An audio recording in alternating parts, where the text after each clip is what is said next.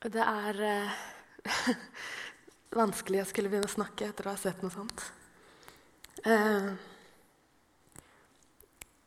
de klippa der det gjør at jeg må snu meg bort. Eh, fordi jeg klarer ikke å ta inn over meg den smerten som Jesus har gått gjennom for meg og for deg.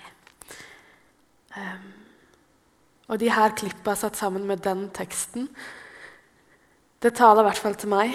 Eh, og så er det jo sånn at det, det, at Jesus led, det er ikke noe som vi kan forholde oss til sånn distansert. Men det var reelt piskeslag og blod og smerte. Korsfestelse, det var tortur. Og det var skamfullt å bli stilt fram på den måten for å dø en langsom og forferdelig død. I Isaiah 53, vers 7, så står det han ble mishandlet, han ble plaget, og han åpnet ikke munnen, lik et lam som føres bort for å slaktes, lik en sau som tier når den klippes. Han åpnet ikke munnen. Jesus Kristus Guds sønn og Guds lam, som blir slakta. Som dør på korset denne langfredagen. Som dør for noe større enn seg sjøl. For deg og for meg hele verdens syndoffer. Forsoneren, vår redningsmann. I dag er vi ved kjernen av det vi tror på. Uten langfredag så er vi uten håp. Og det er nesten vanskelig å finne ord eh, å bruke på en dag som det her. Vi må be litt sammen. Jesus, vi kommer til deg i ydmykhet og takknemlighet. Jesus, vi skylder deg alt. Og jeg ber om at du må vise deg for oss igjen i dag. Vise oss at vi er syndere som trenger deg og vis oss at vi er tilgitt på grunn av det du har gjort denne dagen. Løft blikket vårt opp på deg, du som er redningsmannen vår. Amen. Langfredag det er verdenshistoriens viktigste dag. Og jeg sier verdenshistorien og ikke bare frelseshistoriens viktigste dag. Fordi Bibelen beskriver historiske hendelser og Guds frelseshistorie er en del av vår verdens historie. Jesus døde denne dagen. Og det var noe helt unikt som skjedde. Ikke unikt fordi det var en mann som ble korsfesta, fordi det skjedde med tusenvis. Jesus var på en måte en i mengden, sånn sett.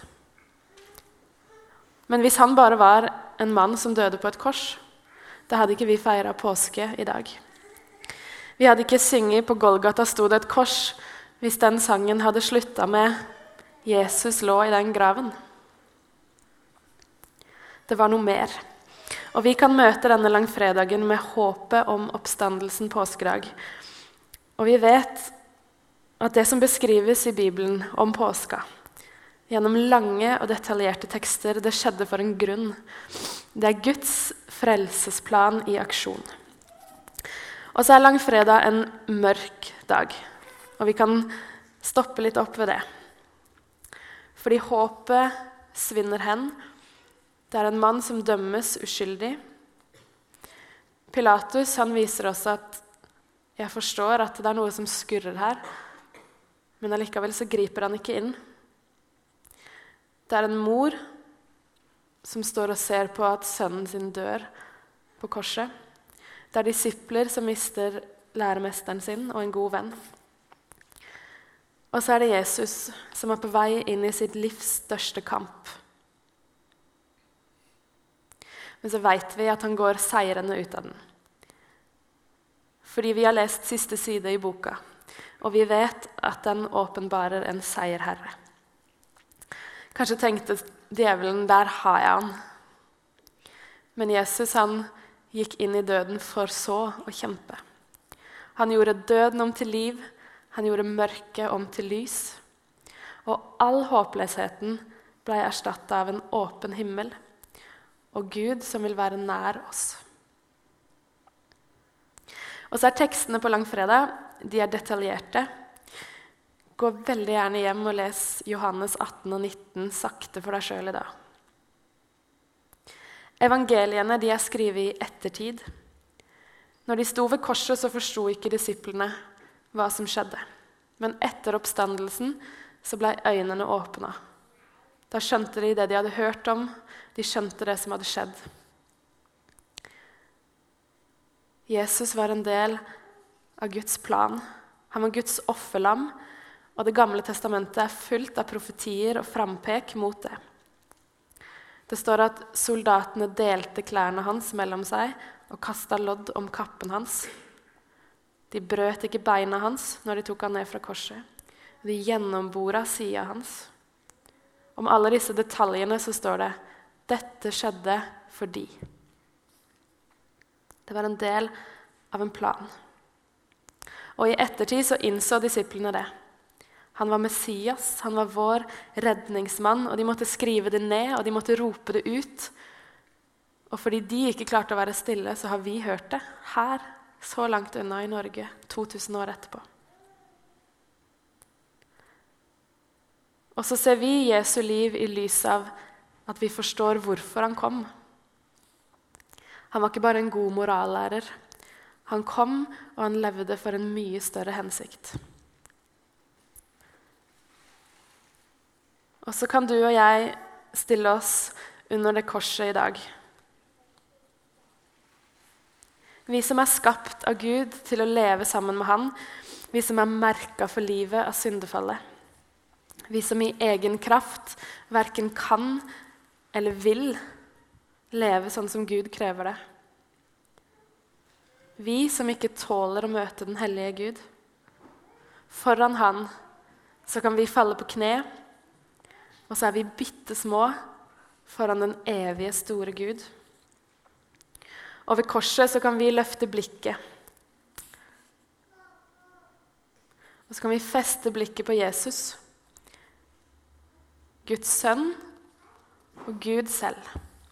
Vår redningsmann, den eneste i verdenshistorien som har klart å leve det livet Gud krever av oss. Og Så får vi løfte blikket og rette ryggen og kjenne at synda detter av skuldrene våre. Så får vi se naglene i hendene og føttene. Guds sønn som lider for deg. Jesus som går i døden for oss og Gud som skriver sin historie. Og Så kan vi se på Jesus på korset og så kan vi vite at dette skjer, og frelsen blir vår fordi Jesus gjør det for oss. Gjennom jødenes historie så lærer vi Gud å kjenne. Folket de kan ikke komme nær Gud. Han er i det aller helligste i tabernaklet og senere i det aller helligste i tempelet. Og inn dit så kan bare ypperstepresten gå én dag i året for å bære fram sonoffer for folkets synder. Men når Jesus dør, da revner det forhenget i tempelet øv øverst til nederst. Det er ikke et menneske som revner det tempelet. Det er forhenget i tempelet. Ovenfra og ned. Og det er et så sterkt bilde på hvordan Gud griper inn, og hva Gud gjør. På grunn av Jesu blod har vi nå frimodighet til å gå like inn i det aller helligste sted. Og Gud han har lengta etter å være sammen med oss. Og så kan vi kjenne en sånn glimt av den lengselen i våre liv. Men synda hindrer oss i å gjøre noe med det. Og Vi er totalt avhengig av at det er Gud som gjør det mulig for oss. Og nå er det mulig. Gud han har strekt ut hånda si, og jeg syns det korset her viser det så tydelig. Det er egentlig mørke, og så er det Gud som griper inn, og da kommer lyset til. Og så er veien åpen, og så er vi invitert inn i et nært forhold til den levende Gud, den allmektige, den hellige Gud. Han er den samme men vi er forandra av Jesu blod. Derfor er langfredag fantastisk. Det er en dag som vi kan møte med ærefrykt og med stillhet. Men allikevel så er den uten tvil prega av håpet der foran. Det skaper takknemlighet og ydmykhet hos oss. Takk, Jesus. Og så har jeg tenkt litt på hvordan var det å være der på langfredag. Hvordan var det for Peter? Det var en mørk dag. Og Peter med sine store fakter og store ord, han hadde slått på stortromma. Aldri skal jeg svikte deg, Jesus. Og da hanen gol, så må Peter ha ramla sammen. For en smerte han må ha kjent på sorg og skam over å svikte vennen sin og Herren sin på den måten. Så tenker jeg at vi kan kjenne på lignende følelser i våre liv. Følelsen av å ha svikta noen, ha svikta Jesus eller noen som står oss nær. Skammen når vi må innse at vi klarer ikke å leve sånn som vi så gjerne vil. Og så er nåden den samme til oss som den var til Peter. For Jesus støter ikke bort Peter. Nåden er radikal, og den gjelder alle som kommer til Jesus. I teksten som Sven Arne leste i stad, så står det at når hanen ga det for tredje gang, for andre gang, og Peter har fornekta tre ganger, da snur Jesus seg, og så ser han på Peter. Og dette skjer etter at Jesus er tatt til fange. Og en skulle kanskje tro at nå har Jesus nok med seg sjøl, og han vet hva han er på vei inn i. Men midt i det så ser Jesus Peter. Han leter etter blikket hans. Og sånn leter Jesus etter våre blikk også, uansett hvilken situasjon i livet vi står i. Og hvis vi vender oss bort fra Jesus, så velger ikke Jesus oss bort. Og han speider etter oss til og med når han går gjennom lidelsen og blir pina. Og så er kontrasten kjempestor til Judas, som blir møtt med den samme kjærligheten fra Jesus. Når Judas kommer og kysser Jesus på kinnet for å vise vaktene at det er han de skal ta, så sier Jesus, 'Venn, du har gjort ditt.' Jesus møter Judas på samme måte som alltid. Hans kjærlighet til Judas er den samme, selv om Judas svikter han. Men forskjellen mellom Peter og Judas er hvem av de som kommer tilbake til Jesus etterpå. Og så har jeg tenkt på langfredag for disippelen Johannes og mor Maria. De står der ved korset. Og i en situasjon hvor en skulle tenke at Jesus virkelig har mer enn nok med smerten og lidelsen. Han henger der på korset. Han er på vei inn i døden for å kjempe sitt livs største kamp for oss. Da ser Jesus på Johannes og Maria og sier, 'Kvinne, dette er din sønn, og dette er din mor.' Han veit at de to skal leve videre på jorda en stund til, og at de skal sørge denne dagen og i dagene som kommer. Og så ser han det, og så er han full av omsorg for dem. Og Sånn er det Jesus også ser oss. Vår tro på Han og vårt liv som kristne det handler ikke bare om et håp langt der framme. Det er fantastisk. Og så er det enda større at Gud er nær oss akkurat nå og bryr seg om hvordan vi har det akkurat nå. Og denne omsorgen Jesus har for Maria og Johannes, den viser i hvert fall meg det når jeg leser denne teksten.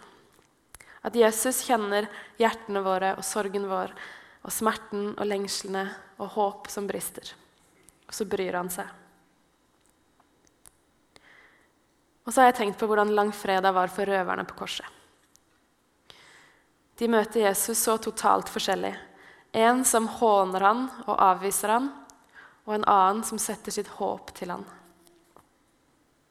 Det er de to valgmulighetene vi også har. Å avvise han eller å sette vårt håp til han. C.S. Lewis han sa Jesus må ha vært en løgner eller en gal mann, eller så må han ha fortalt sannheten. Det er de tre alternativene vi har.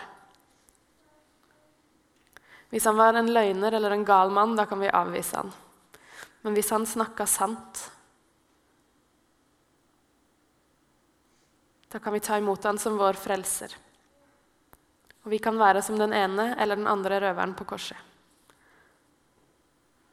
Og det valget blir det aldri for seint å ta mens vi ennå lever. Og vi må ta det hver eneste dag igjen og igjen. Også i dag så sier jeg, 'Jesus, jeg tror du er sannheten. Jeg trenger deg, og jeg klarer meg ikke uten deg.' Takk for at du er min frelser, og takk for at jeg har fått se hvem du er. Og så er langfredag også glimt av lys, sånn som vi ser det i korset her. Dere har kanskje hørt begrepet 'Black Friday'. Det har sniket seg inn i vårt norske språk. Og det er et amerikansk fenomen.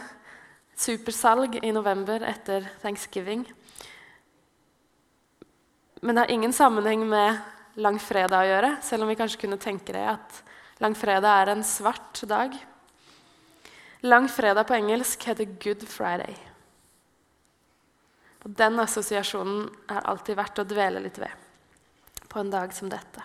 For dette er en god dag. Dette er dagen når veien til himmelen åpnes, og vi er fri, og vi har fått fred med Gud takket være langfredag.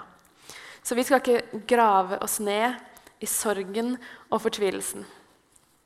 Vi synger i en påskesang 'De trodde at Jesus var borte'. Og de trodde det. Det var en helt reell sorg og smerte men han var ikke borte for godt. Han kom tilbake to dager senere som seierherre. Guds frelsesplan var fullført, og det er en helt ekstrem hendelse. Det er et vannskille i verdenshistorien. Før langfredag så var himmelen lukka. Synda skilte oss fra Gud. Men vi lever akkurat nå i et helt unikt rom eller en unik tid i verdenshistorien. Jesus har kommet, og vi har en åpen himmel over livet. Og Gud er nær oss hver eneste dag. Vi har fått Den hellige ånd i oss når vi er kristne. Gud er nær. Og så klarer ikke jeg å la være å tenke på at når vi synger 'Graven er tom', sangen som vi helt sikkert skal synge her på søndag. En av mine nye favorittpåskesanger. Da synger vi 'Kraften som overvant døden, lever i den som er hans'. Når vi tror på Jesus og Den hellige ånd har flytta inn i oss, da bærer vi den krafta i oss. Den samme krafta som gjorde at Jesus vant over døden. Så langt fredag er mørke med glimt av lys. Og Jesus er det lyset som seirer. Og så skal vi få feste blikket på det. Og så skal vi få dvele ved den veien han gikk for oss. Og smerten han led for oss. Så vi får se hva nåde faktisk er. Og så har det blitt en tankevekker for meg hvordan det sniker seg inn løgntanker. Jeg tenker det er altfor godt å være sant, Jesus. Kan ikke jeg få lov å bidra bitte litt? Kan ikke jeg gjøre mitt beste, og så kan du komme med nåde og liksom fylle på resten? Men når vi virkelig får se hvem Jesus er, og når vi ser sånne filmklipp som før denne talen Da skjønner i hvert fall jeg hvor utrolig misforstått det er at jeg har lyst til å bidra. Det Jesus gjorde, det var nok. For tid og evighet for livet her og nå. Og det eneste vi kan gjøre, det er å falle på kne ved korset og si, 'Jesus, her er jeg. Takk at du vil ha meg. Jeg har lyst til å gi deg alt det som er mitt. Hjelp meg å leve sånn, åpent og ærlig, nær deg, i nåden. Birgitte og Kristoffer skal synge en sang for oss nå. Bare bruk den tida til å snakke med Jesus. Jesus, hvem kan måles med deg? Tenk litt på det.